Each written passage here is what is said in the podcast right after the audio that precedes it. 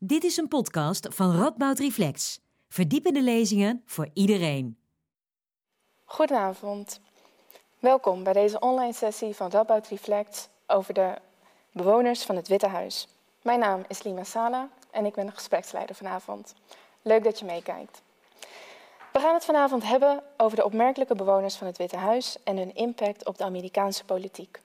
De verkiezingsstrijd in de Verenigde Staten is in alle hevigheid losgebarsten. En het lijkt niet alleen een strijd te zijn om de kiezer, maar ook een strijd tussen persoonlijkheden. President Trump wordt vaak gezien als de Amerikaanse president met de meest opmerkelijke karaktertrekken. Denk maar aan zijn tweets en aan zijn opmerkelijke uitspraken. Maar klopt dit beeld wel? Is Trump zo uniek? Vertoonden al zijn voorgangers keurig presidentieel gedrag? En in hoeverre werken de persoonlijke opvattingen van Amerikaanse presidenten door in beleid?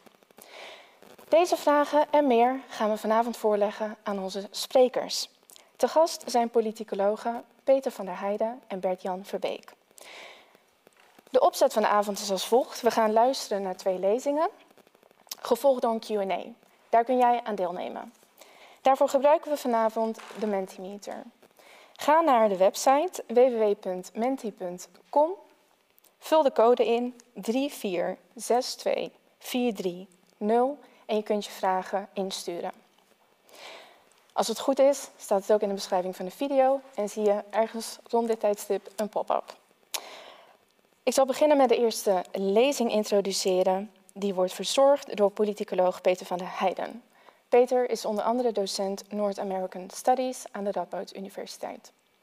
Van zijn hand verscheen in september het boek Weirdo's in het Witte Huis. De vraag hoe uniek Trump is in zijn gedrag als president levert een speurtocht door de Amerikaanse presidentiële geschiedenis, waarbij het al snel duidelijk wordt dat zijn voorgangers verre van onschuldig waren. Racisme, seksisme, nepotisme, noem het op, het komt allemaal voorbij. Het blijkt eerder regel dan uitzondering te zijn. Hoe moeten we deze mannen begrijpen en in hoeverre werkten hun soms eigenaardige persoonlijkheden en dubieuze omgang met de waarheid door in de manier waarop zij politiek bedreven? Peter gaat het ons vanavond vertellen. Peter, aan jou het woord. Ja, dankjewel. Um, ik ben dus Peter van der Heijden. Ik heb dat boek geschreven en dan gaan we, ik ga daarover beginnen. Dit is het boek en daar staat, uh, het, het, begint eigenlijk, het is, het is geplaatst rond een filmpje. Een filmpje van de Hillary Clinton campagne. En dat heet I am a unifier. In dat filmpje uh, zijn er een aantal uh, republikeinse kandidaten op dat moment nog, het zijn de voorverkiezingen, die heel veel kritiek hebben op Trump. Ze noemen hem een bedrieger, een racist, een, een, een bullebak. Ze noemen hem een, een, pathologische leugenaar, een vrouwenhater, religieus onverdraagzaam, allerlei van dat soort mooie dingen. Het eindigt met een hele mooie uitspraak van Jeb Bush. Die zegt van, nou, die man heeft therapie nodig. Nou, dacht dat zijn leuke hoofdstukken voor een boek. Dus ik heb een hoofdstuk over seksisme, racisme enzovoorts. En het eindigt met een hoofdstuk over hij heeft therapie nodig. Um, bij Trump is dat evident, denk ik, dat hij dat allemaal nodig heeft. Maar toch ga ik uh, even langslopen en daarna gaan we kijken, zijn er nog andere presidenten? Ik ga het niet allemaal doen, ik heb er drie uitgekozen, drie van die onderwerpen. En bij al die onderwerpen heb ik een paar presidenten extra, dus buiten Trump. Um, ik noem Trump een vrouwenhater. En dat komt omdat er geen goed Nederlands woord is uh, voor het woord uh, misogynist. Um, Trump zou zelf denk ik zeggen dat hij een vrouwenliefhebber is, maar dat doet hij wel op een hele bijzondere manier dan, denk ik. Hij heeft weinig uh, respect voor vrouwen, kun je zeggen, denk ik. Uh, een kleine bloemlezing. Hij heeft drie huwelijken. Dat kan de beste overkomen, kan ik uit eigen ervaring vertellen. Bij hem zit er wel heel veel overlap in. Uh, en wat ook aardig is, is dat de vrouwen vaak op elkaar lijken. De tweede is een jongere kopie van de eerste, zo wordt ze altijd genoemd. En wat ook opmerkelijk is, is dat twee van de vrouwen een, een, buitenlandse komaf hebben. En min of meer nou, een wat twijfelachtige status in Amerika hadden en door Trump binnengehaald zijn. Um, immigranten dus. Dan krijgen we natuurlijk het belangrijkste punt van Trump als het gaat om zijn vrouwen Stormy Daniels en Karen McDougall. U kent de namen waarschijnlijk wel. Uh, Stormy Daniels was natuurlijk, u kent haar, een pornoster. Zij had een verhouding met Trump vlak na de geboorte van zijn zoon Barron, zijn jongste zoon. En hij zou zwijgeld betaald hebben uit campagnefondsen, dat ontkende hij. Maar uh, heeft een hele goede advocaat, Rudy Giuliani, en die liet zich ontvallen dat uh, Trump het geld terugbetaald had aan de campagnekas. Daarmee impliciet uh, bekennend dat er inderdaad een affaire was en dat er gedoe met geld was geweest. Het werd nog een keer bevestigd, en daar ga ik even een stukje voorlezen uit mijn boek, door Michael Cohen. En Michael Cohen is de fixer, een andere advocaat van Trump. En hij zegt, en dat eh, een citaatje uit mijn boek. Cohen verklaarde in de rechtbank dat hij had gehandeld met medeweten en in opdracht van een kandidaat voor een federaal ambt, die in de rechtbankstukken individual number one werd genoemd. Deze anonieme persoon was, zo stond in diezelfde stukken, gewikkeld in een race om het presidentschap die hij succesvol zou afsluiten. De dramatische wijze waarop Cohen later bekend maakte dat achter individu number one Donald Trump schuil ging, was dan ook tamelijk overbodig. Dat was uh, overduidelijk dat het alleen maar over Trump kon gaan natuurlijk. En uh, de pornoactrice in kwestie onthulde later dat Trump graag gespankt wilde worden met een tijdschrift waarop hij zelf op de cover stond. En dat hij vond dat Stormy Daniels zo op zijn dochter leek, op Ivanka. Uh, ja, bijzonder. En wat het nog bijzonderer maakt, was dat er staat nog een naam bij, Karen McDougall. Ongeveer tegelijkertijd had hij met deze Playmate, de Playmate of the Year 1998, ook een verhouding. Ook zij werd afgekocht. Er kwamen nog talloze klachten van deelnemers en personeel van The Apprentice. Uh, gedoe uit de Miss Universe verkiezing, waar Trump mede-eigenaar van is. Uh, deelnemers die uh, aan, aan, de jonge kant waren, beschuldigden Trump ervan dat hij binnenkwam in de kleedkamer terwijl ze half gekleed waren. en nog allerlei andere vrouwen hebben een, een, aanklacht ingediend dat hij zich slecht uh, gedragen had richting hen. En Trump ontkende altijd alles, meestal met een beroep op het uiterlijk van de klaagster. Op zo iemand zou hij nooit vallen.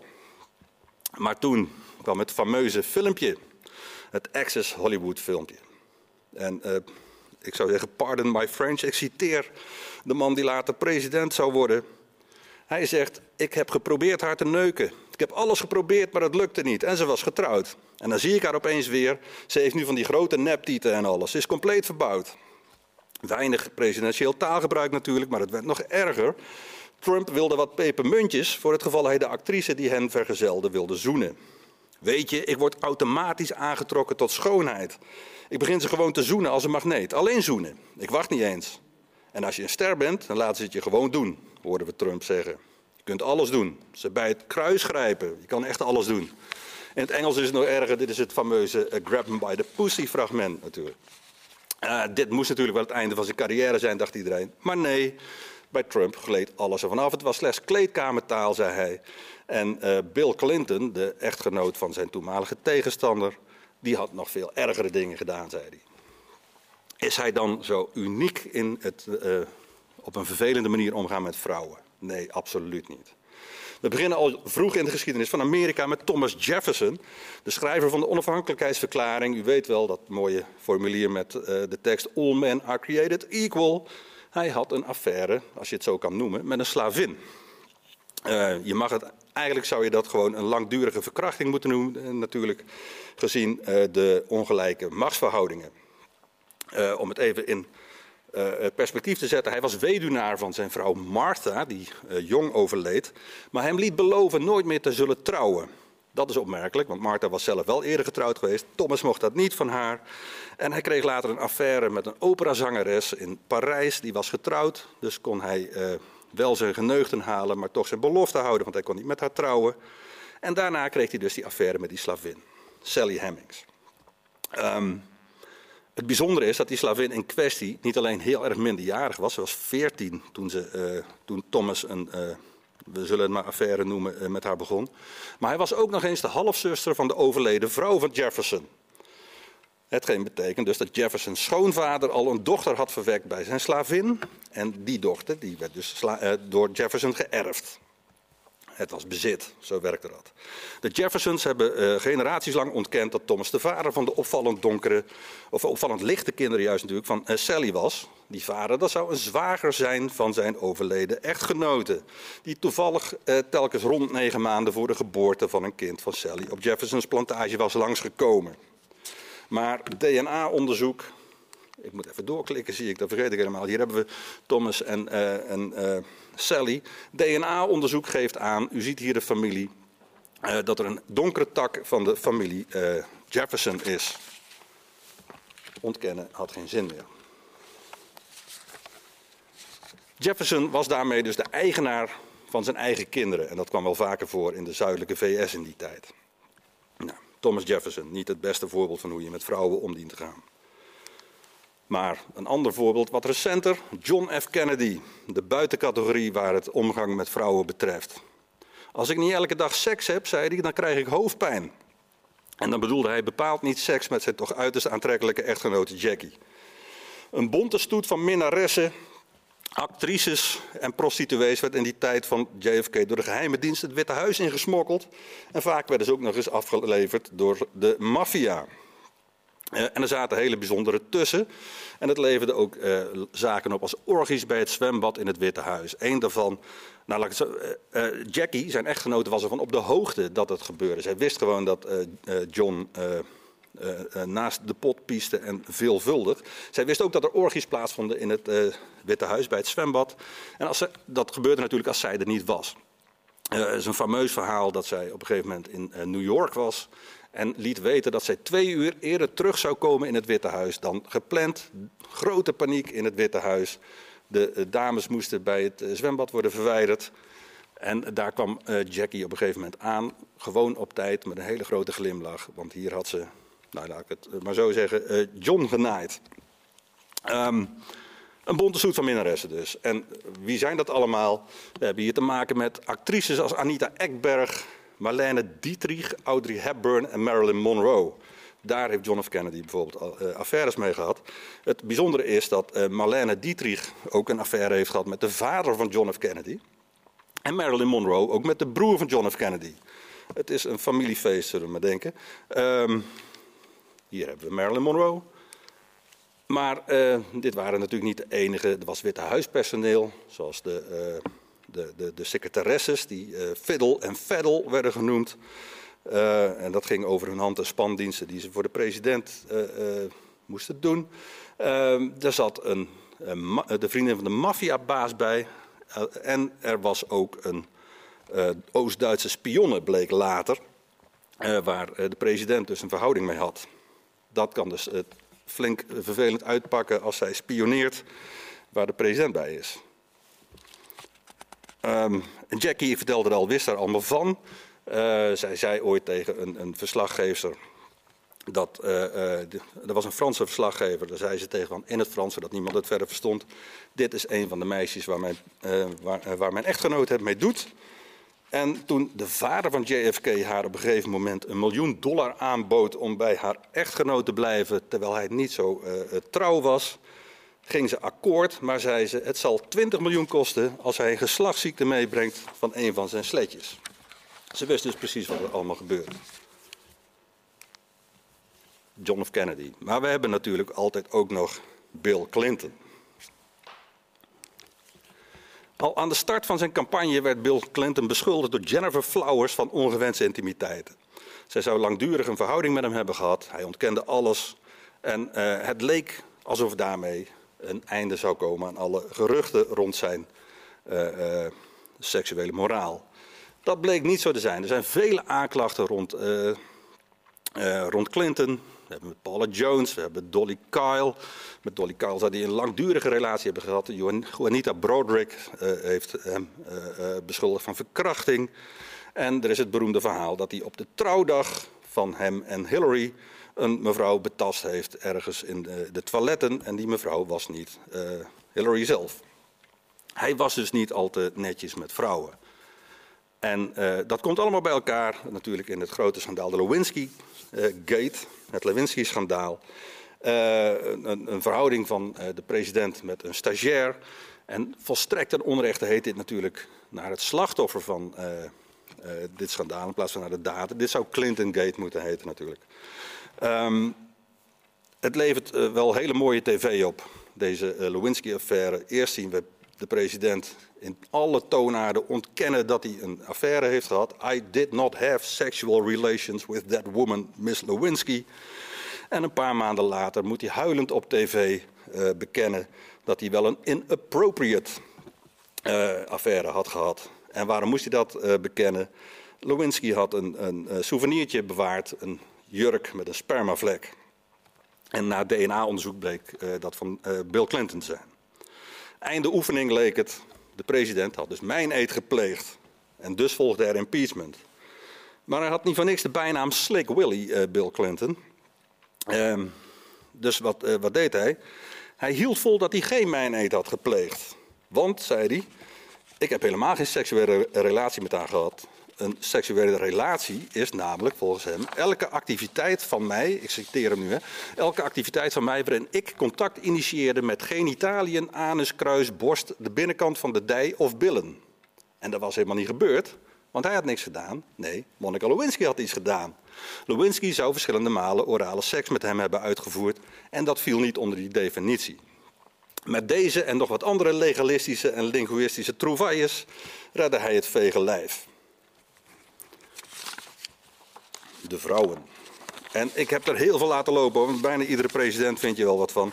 Er is één president, uh, die valt er nog wel mee. Dat is, uh, nou ik heb ook van, van uh, Obama niks gevonden over vrouwen. Maar de andere is Jimmy Carter.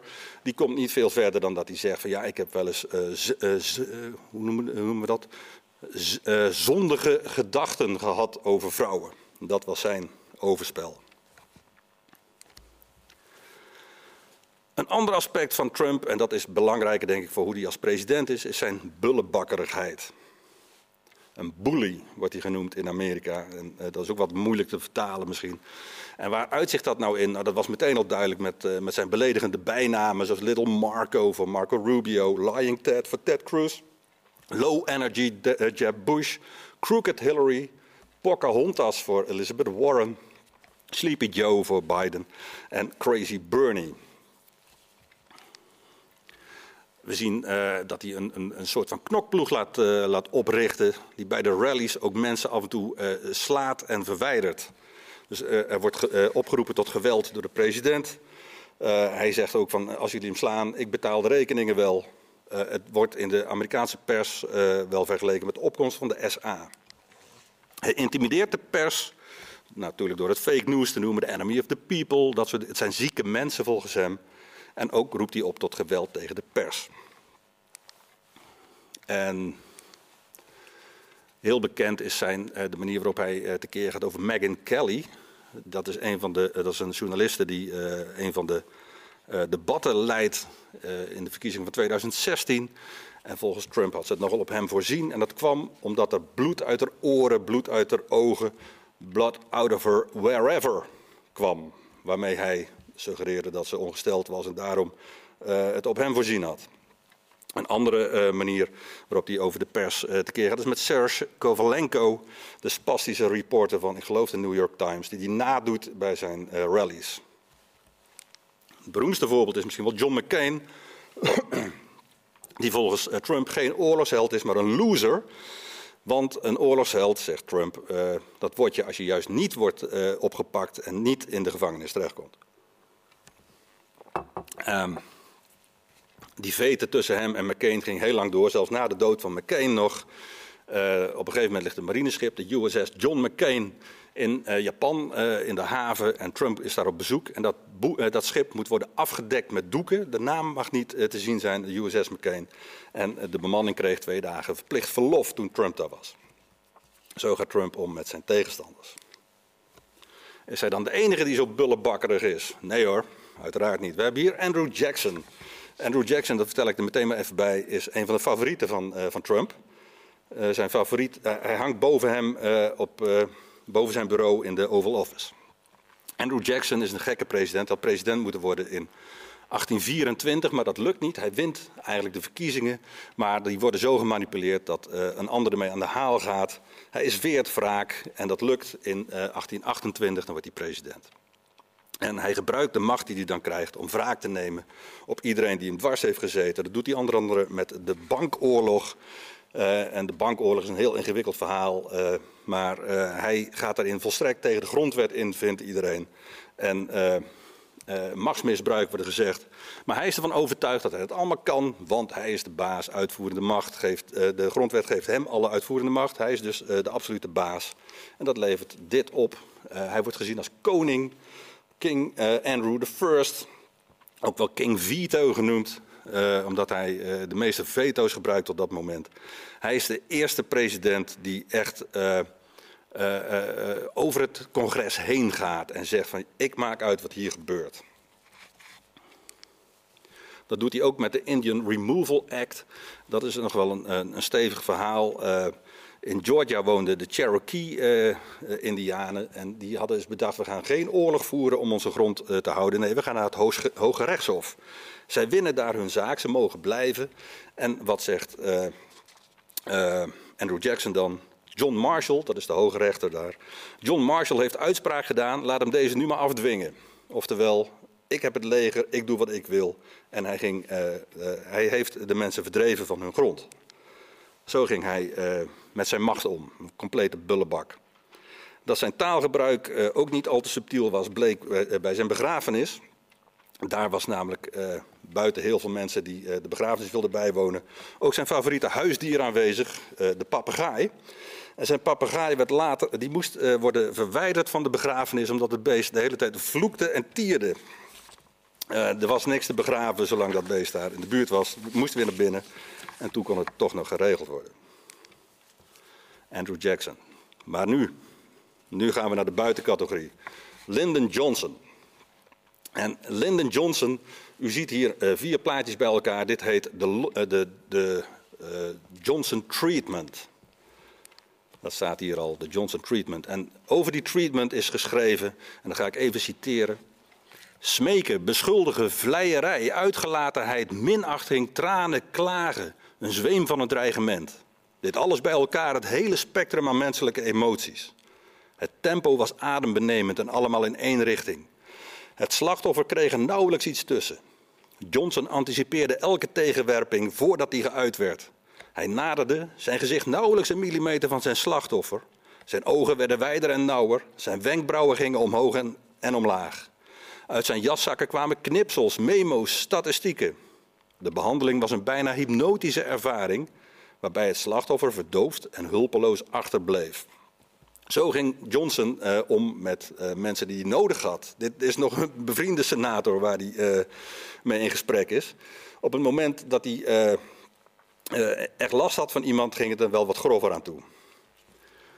Um, zijn vrouw behandelde hij als een huisslaaf Die moest gewoon doen wat hij zei.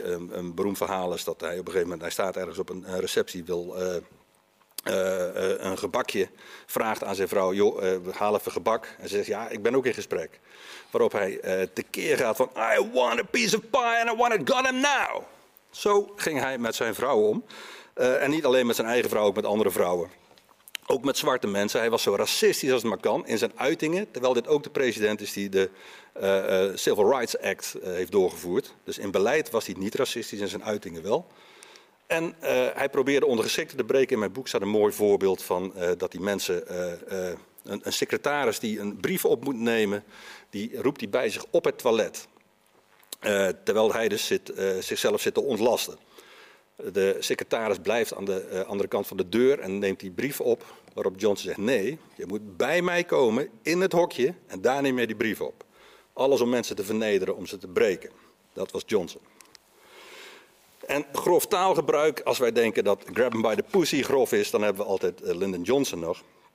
Um, het mooiste citaat wat ik heb kunnen vinden van hem is. Uh, en dan kun je ook meteen, meteen, zien dat hij ook grof was om maar grof te kunnen zijn, want het, het had helemaal niet gehoeven. Uh, dit gaat namelijk over het economisch beleid van Nixon. Daarvan zegt hij: Nixon's economic policy is the worst thing that happened to this country since pantyhose ruined fingerfucking. Ja, een uh, echte Johnson quote. Wat hij ook deed was te pas en te onpas met zijn piemel uit zijn broek lopen, die hij uh, My Jumbo uh, noemde. En hij liep altijd naakt door het Witte Huis. Zo'n president. En dan Nixon. Die sloeg zijn vrouw. Zoals met deze vuist waarschijnlijk. Verschillende keren is hij opgepakt. Of tenminste zijn, zijn, ze uit elkaar gehaald. Er zijn hele verhalen van zijn persoonlijke secretaris. Die, die altijd in moest grijpen. Hij heeft ook andere mensen geslagen, mishandeld. Het was een, een opgewonden baasje, zeg maar, met een agressieprobleem. hij beschuldigde zijn tegenstanders onterecht van communistische sympathieën om te kunnen winnen. Dat deed hij zowel bij mannen als bij vrouwen. En zo is hij dus eindelijk aan de macht gekomen. En hij was fel anti-homo. En dat deed hij ook nogal op een bijzondere manier. Ook dat wil ik even citeren uit mijn boek. Um, het, het komt, ik, ik, gooi het er gewoon out of the in en zal daarna de context geven. Hier is niks aan het woord. Je weet wat er met de Grieken is gebeurd. Verwoest de homoseksualiteit. Tuurlijk, Aristoteles was homo, dat weten we allemaal. Socrates ook. Weet je wat er met de Romeinen is gebeurd? De laatste zes Romeinse keizers waren flikkers. Je weet wat er met de pauze is gebeurd. Hè? Het was prima dat ze het deden met nonnen, dat gebeurde al eeuwen. Maar toen de pauze, toen de katholieke kerk naar de hel ging, ik denk dat zo'n drie, vier eeuwen geleden, dan was dat homoseksualiteit. Nou, dit is de president en die heeft net televisie zitten kijken, namelijk een aflevering van All in the Family. Een comedy waarin een van de karakters biseksueel bleek te zijn. Voor uh, niks een reden om zo tekeer te gaan. Hij vloekte veel en vaak, en dat weten we ook. Uh, we weten alle citaten van Nixon eigenlijk, omdat hij bandopnames maakte van alles wat hij zei in, uh, in het Witte Huis. Alles wat er gezegd werd in de Oval Office werd opgenomen. En die bandopnames die zijn uitgetypt ook. En daar staat om de zoveel woorden dat er een woord weggehaald is omdat het te grof is om op te typen. Richard Nixon. En wat hij ook nog deed, ja, is het een bullebak of was hij gewoon dronken? In een dronken bui heeft hij een kernaanval op Noord-Korea bevolen. En uh, dat is nooit doorgegaan omdat de minister van Buitenlandse Zaken die erbij was, Henry Kissinger, zei van nou ja, als die morgen nuchter is en hij wil het nog steeds, dan kijken we nog wel eens. Het is dus niet doorgegaan. En natuurlijk zijn fameuze Your President is not a crook. Het bleek een enorme boef te zijn met Watergate, uh, waar hij de boel flink had lopen belazeren. Bullenbakken dus. Maar het mooiste is misschien wel Trump de narcist. Ik heb hier een rijtje met criteria, die ga ik niet allemaal voorlezen. Daarnaast ziet u een mooie tweet van, van Trump. En in die tweet, wat wel duidelijk is, is dat hij zichzelf daar weer de stable genius noemt. Hij is de stable genius en alle andere mensen, ja, dat, hij is like really smart, staat er ook nog bij. Hij is eigenlijk Gods geeft aan de wereld, zo ziet hij zichzelf min of meer. dit boek staat hier niet, voor niks. Er is een boek geschreven door 35 mensen in de 37 zijn het er al, dus een nieuwe druk. Uh, uh, mensen in de geestelijke gezondheidszorg over de dangerous case of Donald Trump. Die uh, vinden dat hij wat erg ver gaat in zijn manische en, en andere zaken. Hij noemt zichzelf een stable genius en heeft one of the best memories of all time. Hij weet meer over belasting, drones, IS-technologie, de nuclear enzovoorts dan wie ook. En hij is the chosen one, zegt hij.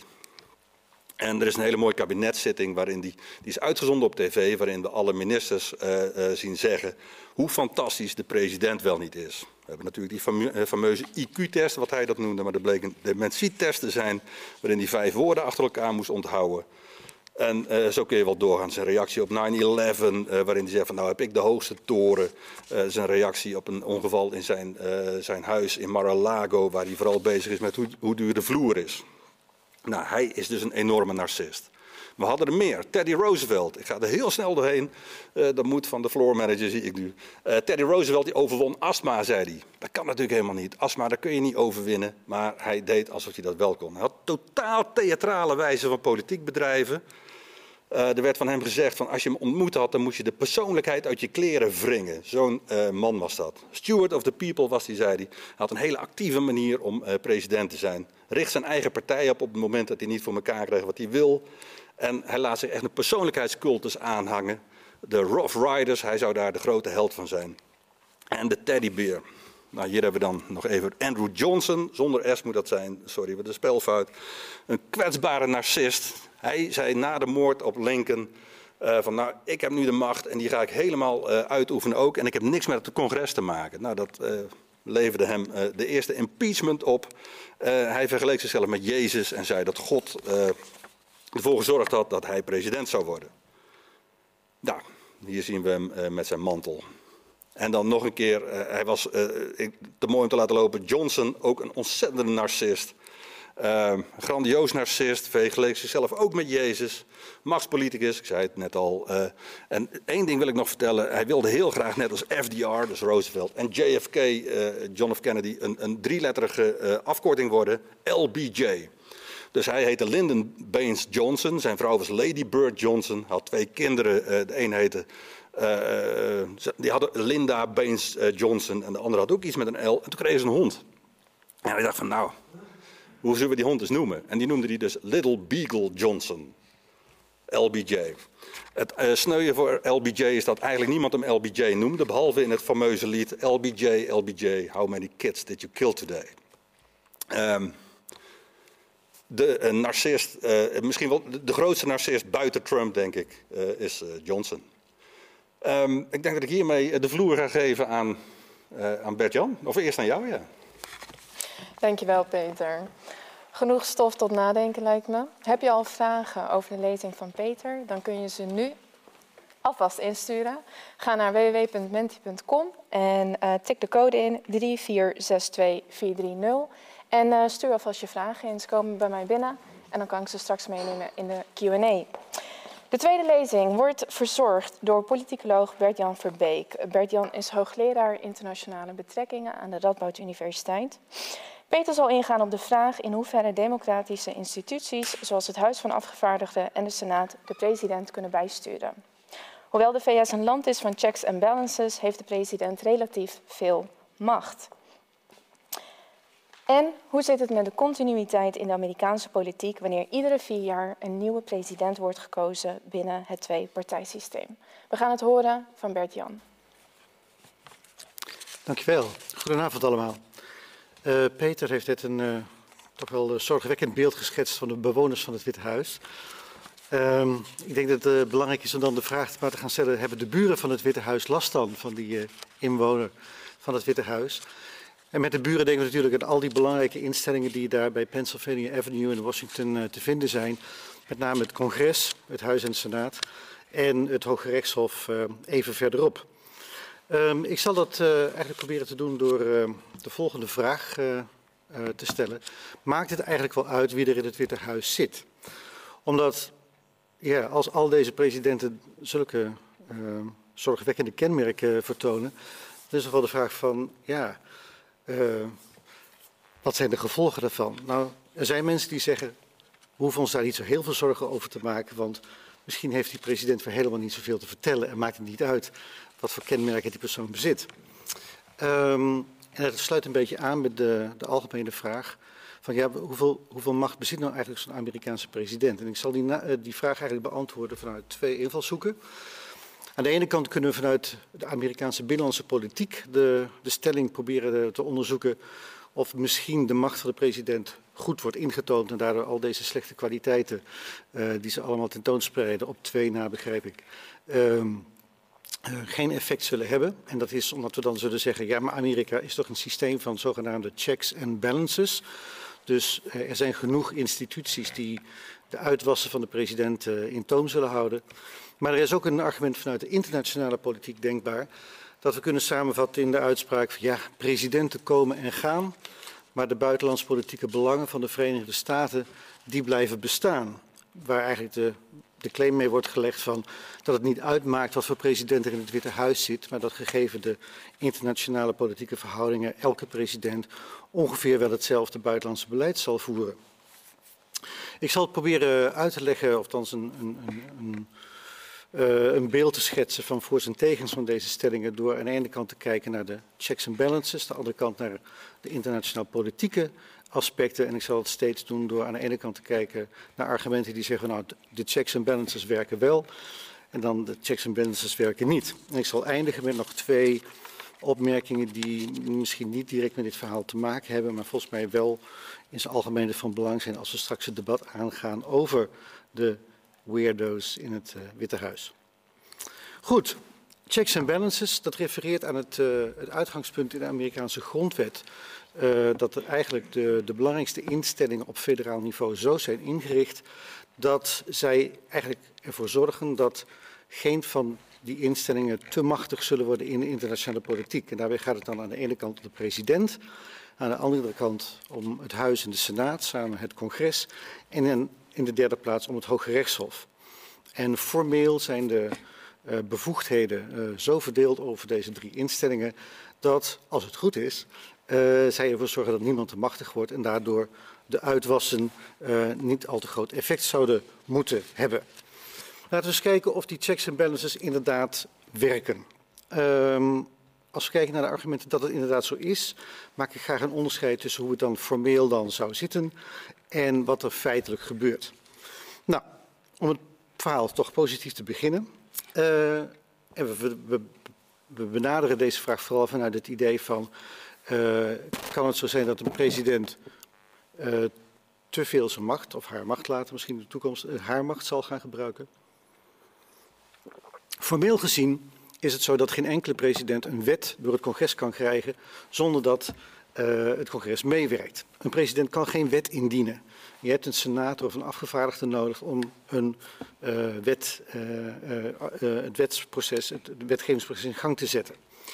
Je kunt uiteindelijk ook geen beleid voeren zonder het congres, zeker niet als iets geld kost, omdat het congres het zogenaamde the power of the purse heeft, besluit over elke dollar die uitgegeven wordt, daar heel sterk uh, ondersteunend apparaat ook voor heeft om allerlei zaken te controleren, het zogenaamde oversight-recht, het toezichtsrecht.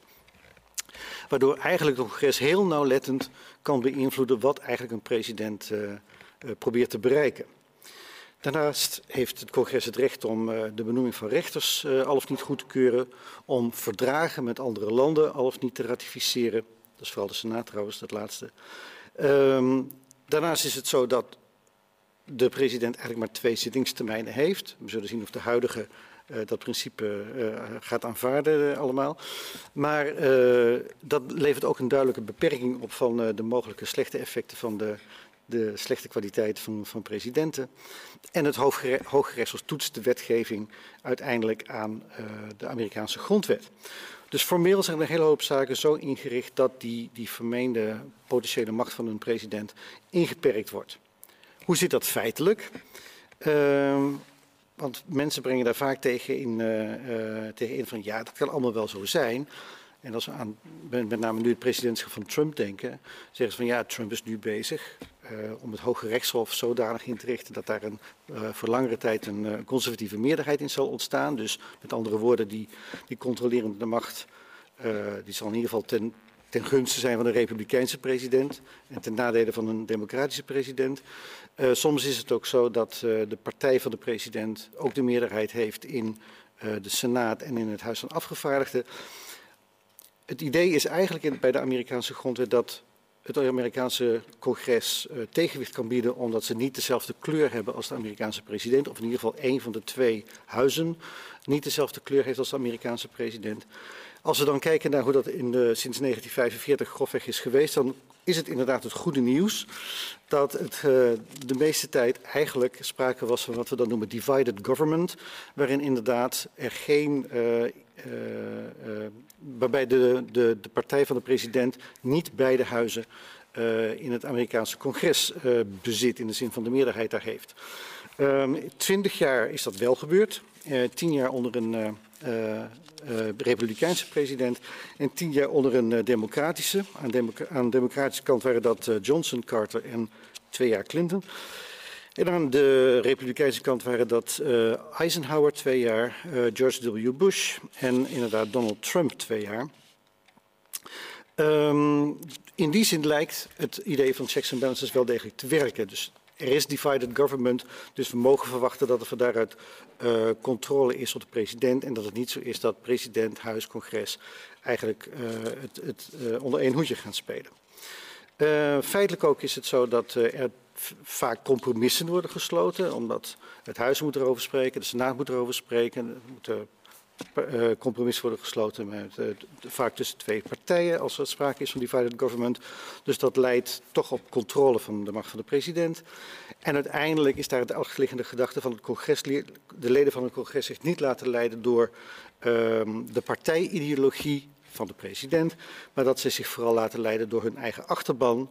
Het, in de uitspraak all politics is local, Amerikaanse politici laten zich vooral motiveren wat hun kiezers thuis uh, wensen en niet per se wat hun uh, president zou wensen. en bovendien weten we ook dat het Hoge Rechtshof bij opgezette tijden durft om maatregelen van de president te toetsen en daartegen in te gaan. Roosevelt in de jaren 30 een aantal New Deal-wetgevingen werd uh, teruggefloten door het Hoge Rechtshof. Dat leverde daarna ook een grote clash op tussen Roosevelt en het Hoge Rechtshof. In de jaren 50 probeerde Truman de staalindustrie te nationaliseren omdat daar gestaakt werd. en dat werd hem ook verboden door het Hoge Rechtshof. Dus ja, misschien werkt dat systeem van checks and balances wel degelijk. Nee, zeggen andere mensen, dat is niet zo. Dat zit aan de ene kant in een aantal formele zaken, zeggen zij. Dat is bijvoorbeeld omdat de president uh, de, de, bevoegdheid heeft om wat dan heet executive orders en executive agreements uit te vaardigen of te sluiten. Een executive order is eigenlijk een binnenlandse beleidsmaatregel zonder toestemming van het congres. En een executive agreement is een, een overeenkomst met een ander land zonder dat het congres daar iets over te zeggen heeft. Dus dat geeft eigenlijk veel te veel uh, macht aan een president. De president is bovendien opperbevelhebber van de strijdkrachten.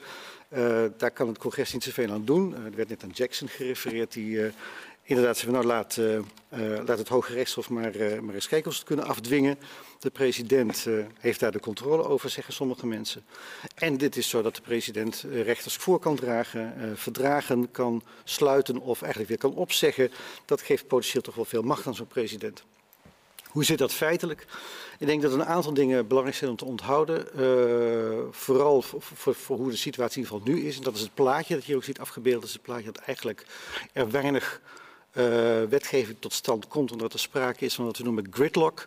Dat huis en senaat het niet eens kunnen worden uh, of niet eens kunnen worden met de president. Uh, dat is eigenlijk al aan de gang sinds 1994. Uh, uh, na de overwinning van Clinton in 1992 hebben de Republikeinen heel hard gewerkt om de macht van Clinton en de Democratische Partij te verkleinen. Dat is Newt Gingrich geweest die ervoor heeft gezorgd dat de Republikeinse Partij als een echte partij met partijdiscipline is gaan, is gaan, gaan handelen specifiek gericht op het uh, tegengaan en vermijden van, uh, van beleid vanuit uh, de Democratische Partij en president Clinton. Dat heeft eigenlijk geleid, of het is het begin geweest van de grote polarisatie tussen de twee partijen en het, dat steeds meer gedacht wordt langs ideologische lijnen.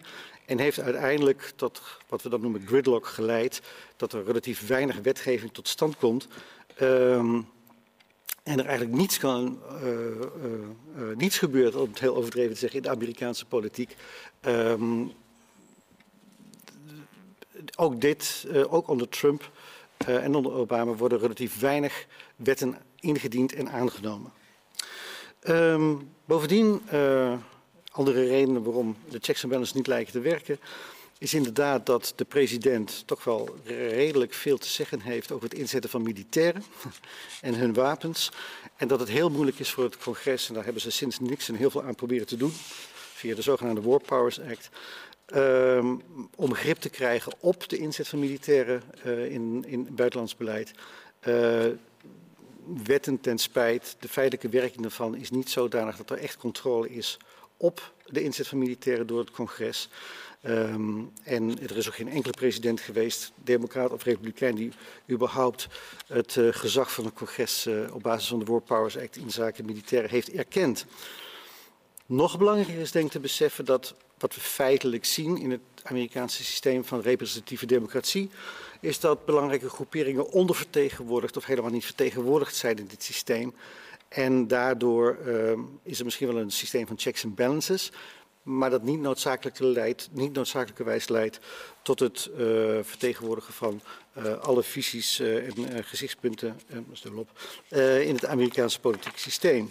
Bedenk daarbij bijvoorbeeld dat als je het hebt over leeftijd, dat in het Amerikaanse congres er in totaal vijf personen zijn van de millennial generatie die lid zijn van Huis of Senaat.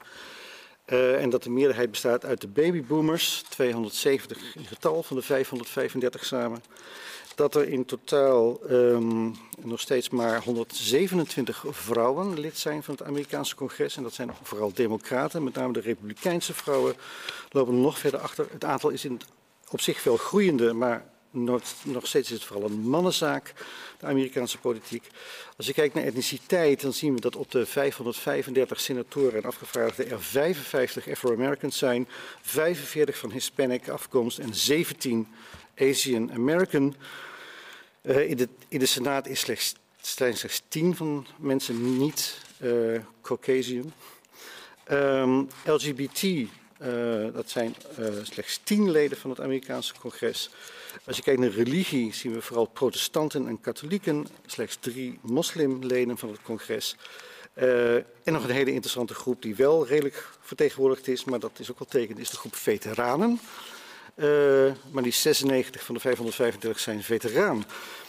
Waarmee wel aangegeven wordt dat uh, het Amerikaanse politieke systeem niet noodzakelijk leidt, noodzakelijkerwijs uh, leidt tot het doorklinken van alle stemmen, waar ik zo meteen nog op terug zal komen. Um, als we dan gaan kijken vanuit uh, het buitenlandse beleid, wat ook een mogelijkheid is waarom het eigenlijk niet, mis, misschien niet toe doet wat voor persoon er in het Witte Huis zit. Er zijn eigenlijk drie argumenten die worden aangedragen om aan dit debat uh, uh, een bijdrage te leveren. De eerste mensen die zeggen van, ja dat klopt, het buitenlands beleid dat is zo belangrijk, maakt niet uit welke president er zit. Er zijn mensen die zeggen dat klopt maar ten dele. En mensen die zeggen dat klopt helemaal niet, het buitenlands beleid is helemaal niet zo belangrijk. Mensen die zeggen het buitenlands beleid is heel erg belangrijk en het maakt niet uit welke president die er zit. Die zeggen eigenlijk dat nou ja, het belang van de VS in de internationale politiek wordt nu eenmaal uiteindelijk bepaald door de verschuivingen in internationale machtsverhoudingen. En elke president zal eigenlijk bijna op dezelfde manier uh, reageren op vergelijkbare bedreigingen, situaties in de internationale politiek. Het beste weergegeven, denk ik, door de uitspraak van Al Gore. Uh, die de verkiezingen in 2000 had verloren van George Bush.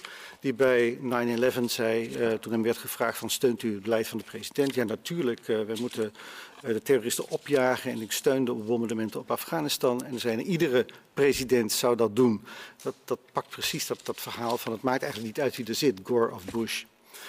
En we zien dat vandaag de dag ook misschien nog wel een beetje terug in de discussie over China. Uh, is China wel of niet de vijand van de toekomst van de Verenigde Staten, of in ieder geval zodanige uh, concurrent dat de leidende positie van de VS bedreigd wordt? Elke president reageert op dezelfde manier. Dat zien we misschien het beste terug in de reacties op Chinese pogingen om soevereiniteit te claimen en te effectueren over de Zuid-Chinese zee.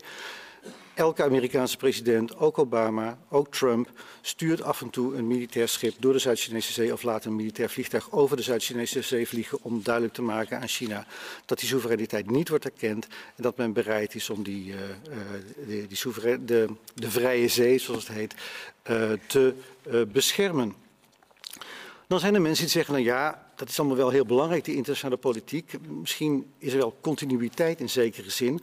Maar dan nog maakt het wel uit wat voor president er zit voor de specifieke keuze die er worden gemaakt. Er is nog steeds wel, uh, het is niet één op één van iedereen uh, stuurt een vliegtuig. Er zijn keuzes in wat je kunt maken.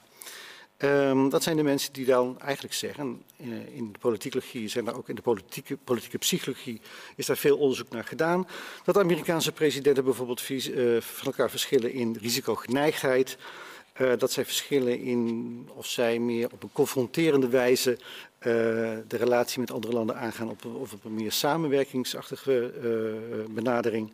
En dat zij ook soms van elkaar verschillen in de specifieke, specifieke visie die men heeft op hoe je buitenlands beleid überhaupt zou moeten voeren in, in de Amerikaanse politiek. Obama en Trump zijn daar wat dat betreft wel aardige verschillen. Denk aan Syrië. Trump bombardeerde wel na het gebruik van chemische wapens door de regering in Syrië. Obama durfde uiteindelijk niet de befaamde uh, rode lijn belofte te houden en te gaan bombarderen. En veel mensen linken dat aan de risicogeneigdheid van Trump en de risicomijding van Obama. En die zij menen terug te kunnen vinden op basis van inhoudsanalyse van hun speeches en de persoonlijke kenmerken die daaruit af te leiden zouden zijn. Trump en Obama zijn ook interessante termen van confronterend of niet. Um, Trump gaat duidelijk de confrontatie aan. Um, maar probeert dan wel een deal te sluiten, zoals met Noord-Korea destijds. Uh, Obama is een man die veel meer een, een visie ontplooit op samenwerking. En denk daarbij bijvoorbeeld aan hoe zij uh, verschillen in de manier waarop zij Iran benaderen. Obama die een geheel nieuwe visie tentoonspreidde van, die een handreiking eigenlijk bood aan het Iraanse regime, mits uh, men bereid was om het kernenergieprogramma te reduceren. Uh, Trump die meteen vol in de aanval gaat en overeenkomsten daarbij afzegt. Ten slotte zijn er de mensen die zeggen, ja dat klopt helemaal niet dat buitenlandse politiek domineert. Sterker, dat zijn de mensen die de andere kant op gaan en zeggen van Amerikaanse presidenten die laten zich vooral leiden door de, zeg maar, hun binnenlandspolitieke belangen als ze buitenlands beleid uh, formuleren. Ze laten zich leiden door de, door de, verkiezingskalender of ze laten zich leiden door hun, uh, het idee dat zij later in de geschiedenisboeken toch als uh, positieve, belangrijke mensen moeten worden neergezet in de wereldpolitiek. Um, een voorbeeld van de eerste, de, de verkiezingskalenders, dat zijn mensen als nu Trump ook, die in de campagne nadrukkelijk in zijn spots zich richt op het potentiële gevaar van China. Um, en dus zijn, zijn, confrontatie met China deels gebruikt om binnenlands voor politiek, sorry, voor deels voor politiek uh, gewin uh, thuis. Um, het is ook iemand als Bill Clinton die uh, uitermate terughoudend was om te interveneren in het Joegoslavische conflict in de jaren 90. Pas na 1998, als de laatste midtermverkiezingen voorbij zijn, is hij bereid om harder op te treden jegens Kosovo eigenlijk jegens Servië in zaken Kosovo. Um, maar als het gaat om de, de, historische legacy die men achter wil laten, denk, denk dan ook aan Clinton, die nadrukkelijk probeert uh, in de laatste twee jaar van zijn, uh, van zijn presidentschap om successen te boeken, zoals in Noord-Ierland, om daar vrede te bereiken, om zo als vredestichter de geschiedenisboeken in te gaan. Tot slot, en ik weet dat ik moet afronden, twee andere overwegingen die ik nog kort wil benoemen uh, voor eventuele discussie. Ten eerste denk ik dat dieper liggend misschien de vraag toch ook gesteld zou moeten van uh, in hoeverre nog steeds, als we zien dat zoveel groepen eigenlijk zich niet vertegenwoordigd zien in de Amerikaanse politiek, niet uitmaken van dat systeem van checks and balances. Uh, uh, in hoeverre voldoet de Amerikaanse democratie dan nog wel aan een aantal essentiële uitgangspunten van democratie, namelijk inclusiviteit, kan iedereen meedoen.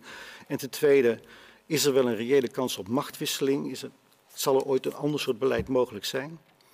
En het tweede punt dat ik nog aan de orde wilde stellen is dat we niet moeten vergeten, uh, laten zeggen weirdo of niet, dat presidenten als ze uh, klaar zijn met hun termijnen, uh, dat het, het, beeld dat wij hebben van presidenten kan veranderen sowieso. Reagan werd vroeger neergezet als een, als een eigenlijk een falende president en wordt nu gezien als een, een grote held. Um, en dat, heel belangrijk, presidenten zelf altijd blijven werken aan hun eigen reputatie, zolang ze nog leven, via hun presidentiële bibliotheken.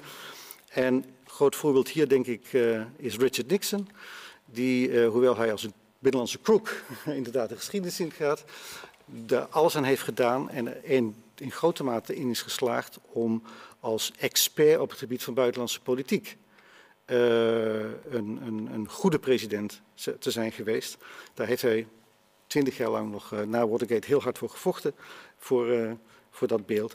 En ook Clinton is nu nog steeds bezig via zijn foundation en de activiteiten hij ontplooit om zijn, het beeld als weirdo recht te zetten en straks als een, ik denk een vredestichtende president de geschiedenis in te gaan. Dankjewel. Dankjewel Bert-Jan. Dankjewel ook Peter. Uh, ik zie de vragen binnenkomen, dus ik denk dat dat uh, goed gaat. Nogmaals, in de beschrijving van de video kun je informatie vinden over Mentimeter en het insturen van je vragen. Dank jullie wel. Ik, uh, ik ben in het archief uh, ingedoken en ik zag dat jullie in november 2016 ook een event hadden van Rapport Reflect na de uitslagen. Um, een vraag om mee te beginnen. Hoe kijken jullie terug op vier jaar Trump en waar staan we nu? Peter, wil jij misschien uh, beginnen? Ik ben in ieder geval blij dat we nu voor de verkiezingen zijn en niet daarna. dat scheelt weer een verkeerde voorspelling.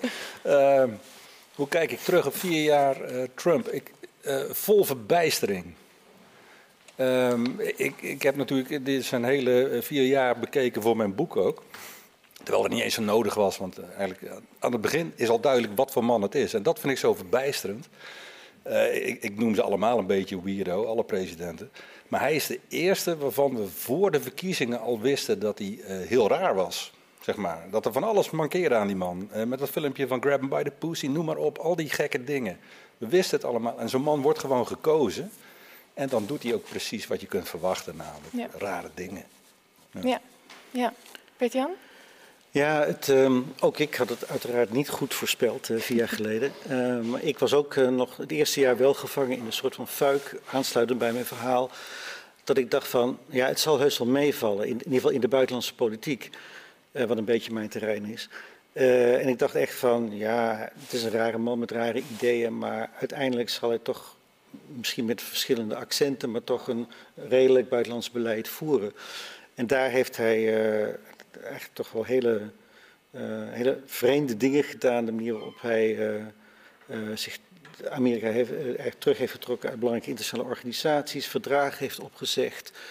Um, eigenlijk ervoor heeft gezorgd dat de reputatie die Amerika bij, de, bij zijn bondgenoten heeft, of haar bondgenoten heeft, eigenlijk grotendeels verloren heeft. Um, en dat is iets wat ik totaal niet had verwacht. dus ja, dat dat heeft me toch wel uh, aan het denken gezet over mijn eigen uh, uh, kader, om het zo maar uit te drukken. tegelijkertijd denk ik ook wel aanstaan wat, wat Peter zegt, dat, dat we niet alleen naar in dit geval Trump zelf moeten kijken, maar ik denk ook nog steeds het raadsel is van er staan zoveel mensen achter hem. Er stonden in 2006 zoveel mensen achter hem dat het, het is ook een, hij vertegenwoordigt, vertegenwoordigt ook een ontwikkeling in de Amerikaanse samenleving. Die, die, waarschijnlijk de polarisatie die al, ja, volgens mij in ieder, geval, in ieder geval sinds de jaren negentig uh, in is gezet. Um, en uh, hij, is, hij is een weirdo, maar hij is ook een exponent van iets diepers. En daar, ik heb het gevoel dat we daar nog steeds niet helemaal de vinger achter hebben gekregen ja. wat dat is. Ja, en daar wil ik even over doorpraten. Want toevallig gaan de eerste twee vragen die sluiten helemaal aan bij mijn eerste vraag. Uh, hoe komt het dat Amerikaanse kiezers dit soort figuren kiezen als een president? En wat zegt het volgens u over de aard van de democratie der VS dat het soort individuen die u beschrijft president kunnen worden? En hetzelfde vroeg ik me af tijdens het lezen. Uh, het lijkt alsof persoonsvragen met betrekking tot de presidenten er niet toe doen, zolang uh, de boodschap die ze uitdragen krachtig genoeg is, de achterban aanspreekt en past binnen de tijdgeest. Um, dus hoe komt het dat ze deze personen kiezen? En, en, en in hoeverre zijn die persoonsvragen van belang? Ja, um, mijn idee is dat Trump niet gekozen is uh, omdat mensen hem zo geweldig vonden. Trump is president geworden omdat zijn tegenstander zo ongelooflijk uh, werd gehaat. En dan heeft die tegenstander ook nog 3 miljoen stemmen meer gehaald. Maar in grote delen van, uh, van de Amerikaanse samenleving, als je daar de naam Clinton laat vallen, ik, ik heb het zien gebeuren, er komt bijna het vuur letterlijk uit de ogen. Die mensen zijn helemaal klaar met de Clintons. En dat is uh, de Midwest, daar moet je niet aankomen met Clinton. Dat heb, heb, ik heel erg onderschat. Dat hebben de Democraten, uh, en dat is uh, erger, uh, ook heel erg onderschat.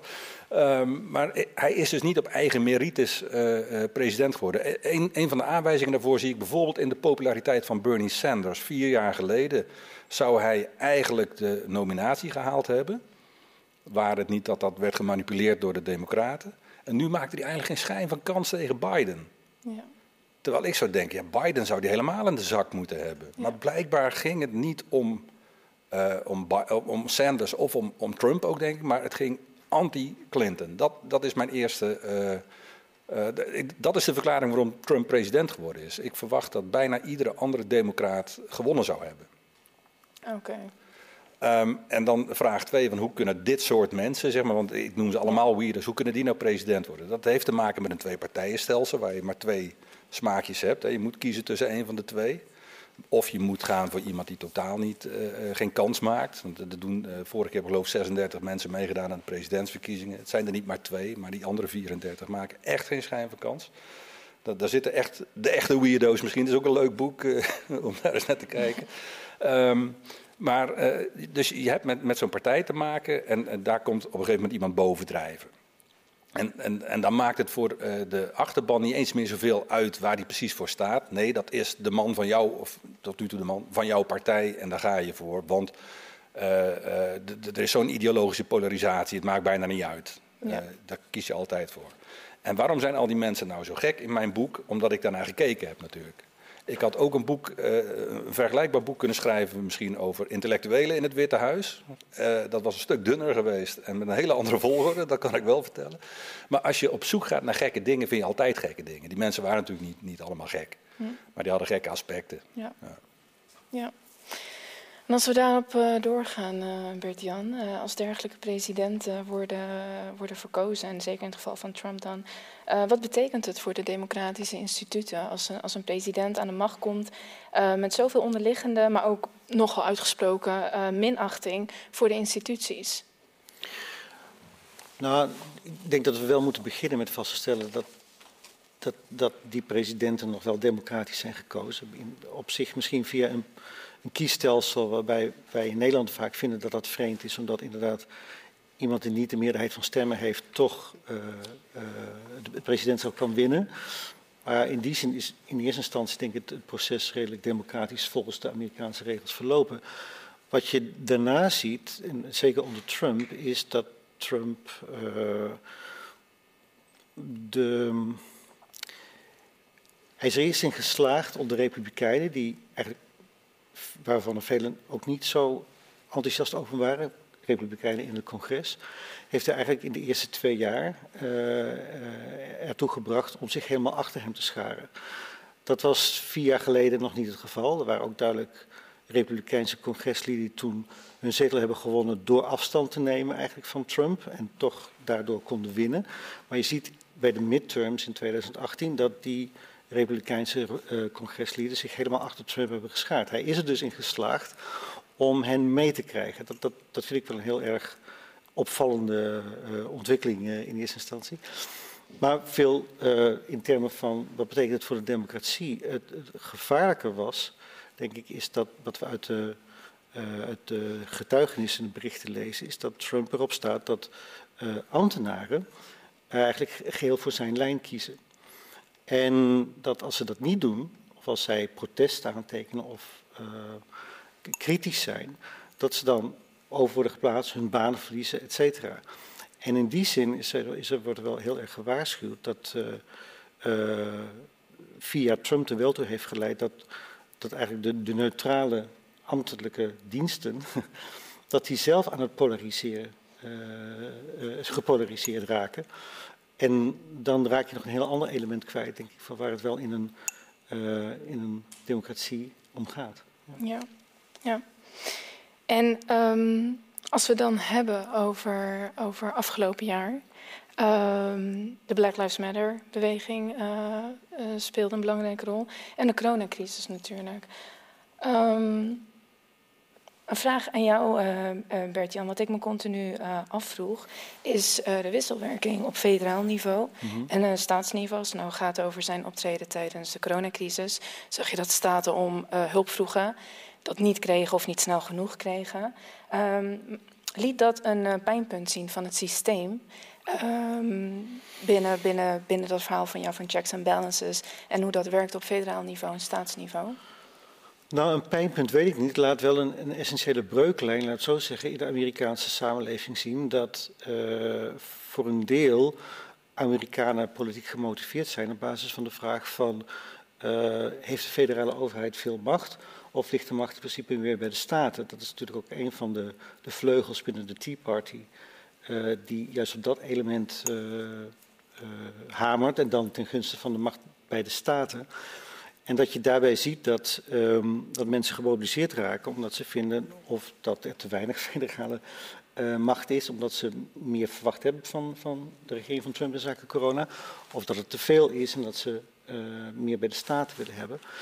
Dus in die zin uh, werd corona langs bestaande lijnen zeg maar, gepolitiseerd. Aan de andere kant laat het ook zien dat als je het hebt over een laten we zeggen, een, een crisis vanwege een, een, een, virus dat geen grenzen kent, dat het, uh, het idee van uh, een verdeling van statelijke federale bevoegdheden, um, dat je misschien dat zou moeten herzien als het ertoe leidt dat je er geen samenhangend beleid op kunt voeren. Of je nou kiest voor meer of minder uh, strenge maatregelen, doet er dan nog even toe. Maar in die zin een soort van uh, dat, dat een eenheid van beleid is dat die noodzaak misschien wel, wel boven komt drijven hierdoor. Ja, ja. En daar sprak, als je het hebt over de voorgangers, Obama over in 2014 al, mm -hmm. tijdens de ebola-crisis, waarop hij echt aandrong van er moet meer samenwerking komen. Maar daarin is dus in de praktijk weinig van terechtgekomen, als ik het goed begrijp. En er zit nog wel een ander politiek aspect aan, dat is dat als je zeg maar, in Amerika de noodtoestand uitroept in een staat of in een bepaald gebied, dan is dat niet alleen een soort van, dan kun je meer bereiken om het probleem op te lossen, maar het is vooral ook een manier om uh, vanuit de federale overheid meer geld te krijgen. En meer geld betekent in Amerika ook dat je dingen kunt doen voor je vrienden. Uh, en in die zin is voor een deel ook wel de, wat wel of niet mag op statelijk niveau wel ook ingegeven geweest van kan ik in de Republikeinse staat mijn vrienden helpen of niet helpen. Ja, ja. Dus het heeft ook een politieke kant. Ja, ja.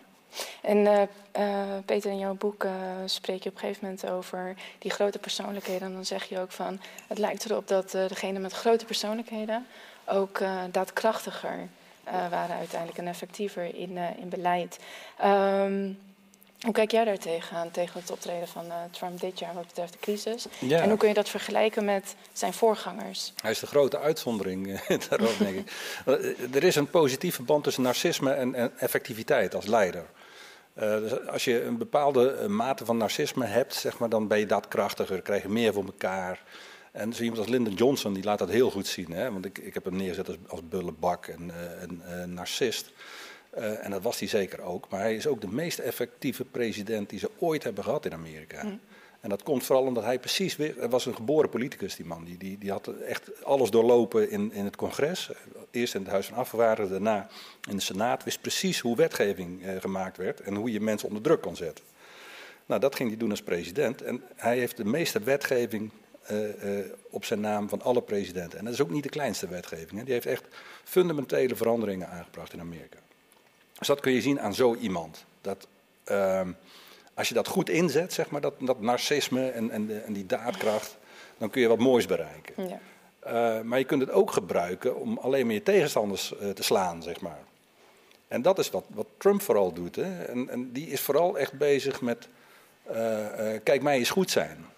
Ja. Letterlijk bijna, hè? met I'm the stable genius en I'm right, like really smart en allemaal dat soort dingen. Uh, Johnson was ook heel vervuld van zichzelf hoor. Die vond zichzelf ook het beste uh, na Jezus Christus. Dat heeft hij ooit gezegd, letterlijk. En dat vindt Trump ook van zichzelf. Die noemde zichzelf de chosen one, zeg maar. Ja. Alleen die doet er niks mee. Ja. Die heeft, die, uh, die heeft de, de, de, instrumenten niet om er wat mee te kunnen. We hebben een, een, iemand van buiten de politiek als president gekregen. Nou, je ziet in Amerika wordt vaak de grap gemaakt van als je nog eens een keer uh, iemand van buiten de politiek als president wil, dan hoop ik dat je volgende colonoscopie, dus je, je darmoperatie, ook door een loodgieter wordt gedaan. Dat je dan zo iemand zoekt. Hm. Politiek is ook een vak. En uh, Trump laat zien dat zo'n opgeblazen persoonlijkheid alleen niet genoeg is. Nee. En ik kreeg daar ook een vraag over van, uh, je ziet dus wel echt duidelijk dat het invloed heeft op het beleid. Soms positief dus, mm -hmm. maar vaak ook negatief. Um, ik wil even doorgaan uh, over uh, het hoofdstuk uh, vrouwen, vrouwenhaat. Het ging heel veel over die affaires. Overigens kwam ook een vraag over binnen. De affaires die jij bespreekt in het boek zijn bewezen. Dit zijn geen roddels. Um, er staan er twee in die niet bewezen zijn. En daar staat er bij de geruchten gaan. Oké. Okay. Ja. Maar voor de rest, alle andere zijn gegronde. Ja, ja, ja. ja oké. Okay. Um, ik wil de discussie met betrekking tot vrouwenhaat wat breder trekken. Uh, uh, nou ja, ik zou willen zeggen dat er sinds hashtag MeToo wat veranderd uh, is... en dat het gedrag van voorgaande presidenten nu in een ander daglicht zouden komen te staan. Maar dan kom je met een president die roept grab him by the pussy en hij wint. Um, dus dat is één discussie. Maar de andere discussie. Ik was benieuwd tijdens het lezen. Dat stuk over Wilson vond ik heel erg interessant. Hij krijgt een beroerte mm -hmm. en zijn vrouw neemt heel veel van zijn taken over. En zoals ik het lees, wordt ze bijna een soort van ghost president in de schaduw ja. van, van haar echtgenoot, toch? Nou, zij is fungerend president op dat ja, moment. Ja, ja. Nou, wat ik me afvroeg, hoeveel, uh, wat hebben deze 45 mannelijke presidenten betekent um, voor, voor vrouwen in de politiek. Hoeveel van deze presidenten hebben actief ruimte gemaakt voor vrouwen in het speelveld, in het politiek speelveld? Nou, dat zijn er niet veel, dat kan ik je wel vertellen. Dat duurt heel lang voordat het begint. Ik denk dat Wilson zo'n beetje de eerste is die zorgt ook dat er vrouwenkiesrecht komt in Amerika. Dus hij is de eerste president die, die daar wat mee doet. Ja. Dat is natuurlijk alleen maar eigenlijk voor witte vrouwen. Hè? Want dat is een ontzettende racist hoor, die Wilson. Uh, dat, dat, moeten we ook nooit vergeten. De, Wilson wordt een beetje altijd op het schild gehezen als de man die uh, de Eerste Wereldoorlog beslecht en daarna met die mooie ideeën komt voor de, de, League of Nations, de Volkerenbond. Maar hij, daar staat bijvoorbeeld in, in, het, het verdrag voor die Volkerenbond een, een, stuk over de gelijkheid van alle rassen. En dat vetoot hij. Dat mag er niet in. Want hij is echt een zware racist. Maar goed, hij is wel, uh, uh, en dat komt ook door de Edith, uh, zijn vrouw, die, die duwt hem wel de kant op van, van de vrouwenemancipatie. Ja. En tot die tijd hebben presidenten dat niet gedaan. En nou, iemand als, als Roosevelt, Franklin Roosevelt, die had ook echt, die, die benoemde vrouwen op hoge posten. Hij, hij is een van de eerste die dat echt ging doen. Oké, ja, ja. Um, maar ja, in Amerika als vrouw in de politiek, ja, we hebben het vier jaar geleden gezien. Het werd echt letterlijk tegen Hillary gebruikt. Hè. Ik zie het nog voor me, dat, dat debat waar, uh, waar, waar, Trump, ik zou zeggen bijna Roosevelt, maar dat is wel een heel groot compliment voor Trump. Uh, waar Trump zegt van, nou, she doesn't look like a president to me. Ja, ja, ja. Gewoon, dat is een vrouw, dat kan geen president ja, zijn. Ja, ja. Uh, maar goed, om antwoord te geven op de vraag, ze hebben niet heel veel, al die 45 mannen, al die tijd. Nou ja, niet, Obama heeft natuurlijk wel een heel divers uh, kabinet gehad. Ja. En uh, ook, ook, Trump had een paar vrouwen in het kabinet. Hè? Een paar vrouwen. Ja, maar goed, ja, dat is voor hem al heel wat, denk ik. Ja, ja. ik, ik denk dat Obama heeft echt wel vrouwen belangrijke posities gegeven. Ja. Susan Rice, uh, Samantha Power, Hillary Clinton als minister ja. van Buitenlandse Zaken. Ja. Maar dat zag je bij Bush ook al, hè? Die had uh, ook al een, een vrouw als... Uh, ja, Condoleezza Rice, klopt. Ja. Nou, dat, dat, uh, dat op het niveau van hoe, hoe divers uh, de kabinetten dan waren en hoeveel ruimte ze, uh, ze vrijmaakten. Als we het hebben over vrouwenhaat, Bert-Jan, wat, wat nu natuurlijk speelt, is de benoeming van uh, Barrett in, in, uh, aan het Hooggerechtshof. Um, waar ik het dan over wil hebben is, wat hebben deze mannen betekend op beleidsniveau voor vrouwen? momenteel speelt die discussie over de abortuswet. Mm -hmm. in 1973 werd bepaald dat de abortus werd gelegaliseerd. maar op dit moment heeft Alabama nog steeds de strengste abortuswet. Um, hoe heeft, uh, hoe heeft vrouwenhaat of uh, de positie van vrouwen, hoe speelt dat een rol in de, in de Amerikaanse politiek? En hierbij is het natuurlijk van belang, want dit speelt door op buitenlandse politiek, als het gaat over de gag, uh, ik moet het even goed zeggen, de Global Gag Rule. Uh, want daarbij werd vastgesteld dat uh, als NGO's hulp kregen, financiële hulp kregen vanuit de VS, ze niet mochten helpen met diensten wat betreft abortus. Dus dat heeft ook echt buitenlands invloed. Um, wat, wat, kun je ons daarover vertellen? Nou, ik denk dat het belangrijk is om in ieder geval als startpunt te nemen dat mannen, mannelijke presidenten of mannelijke congresleden niet snel uit zichzelf uh, in hun beleid de positie van vrouwen zomaar hebben verbeterd. Uh, dat geldt al voor het, uh, het vrouwenkiesrecht, waar de, de, de, de, beweging voor vrouwenkiesrecht vooral door vrouwen geïnitieerd in de 19e eeuw een hele grote rol in heeft gespeeld. En ik denk ook als, je, um, als het gaat om de abortuswetgeving, Roe versus Wade, dat het voor een belangrijk deel ook uh, is het is natuurlijk dankzij het Hoge Rechtshof dat die uitspraak er is gekomen, maar is mede het product van de, uh, de vrouwenbeweging die op zich georganiseerd heeft, gemobiliseerd heeft en gebruik heeft gemaakt van de, uh, de wettelijke politieke wegen die het Amerikaanse systeem biedt. Maar het komt heel erg voort vanuit de organisatiekracht, mobilisatie van vrouwen. Als ik het heb over, toen ik het net had, sorry, over de, uh, de weinige vrouwen die lid zijn van het, uh, of gekozen zijn voor het Amerikaanse congres. En dan hebben we nu met, 105, met 127 vrouwen een, eigenlijk een, een uh, is het grootste aantal ooit.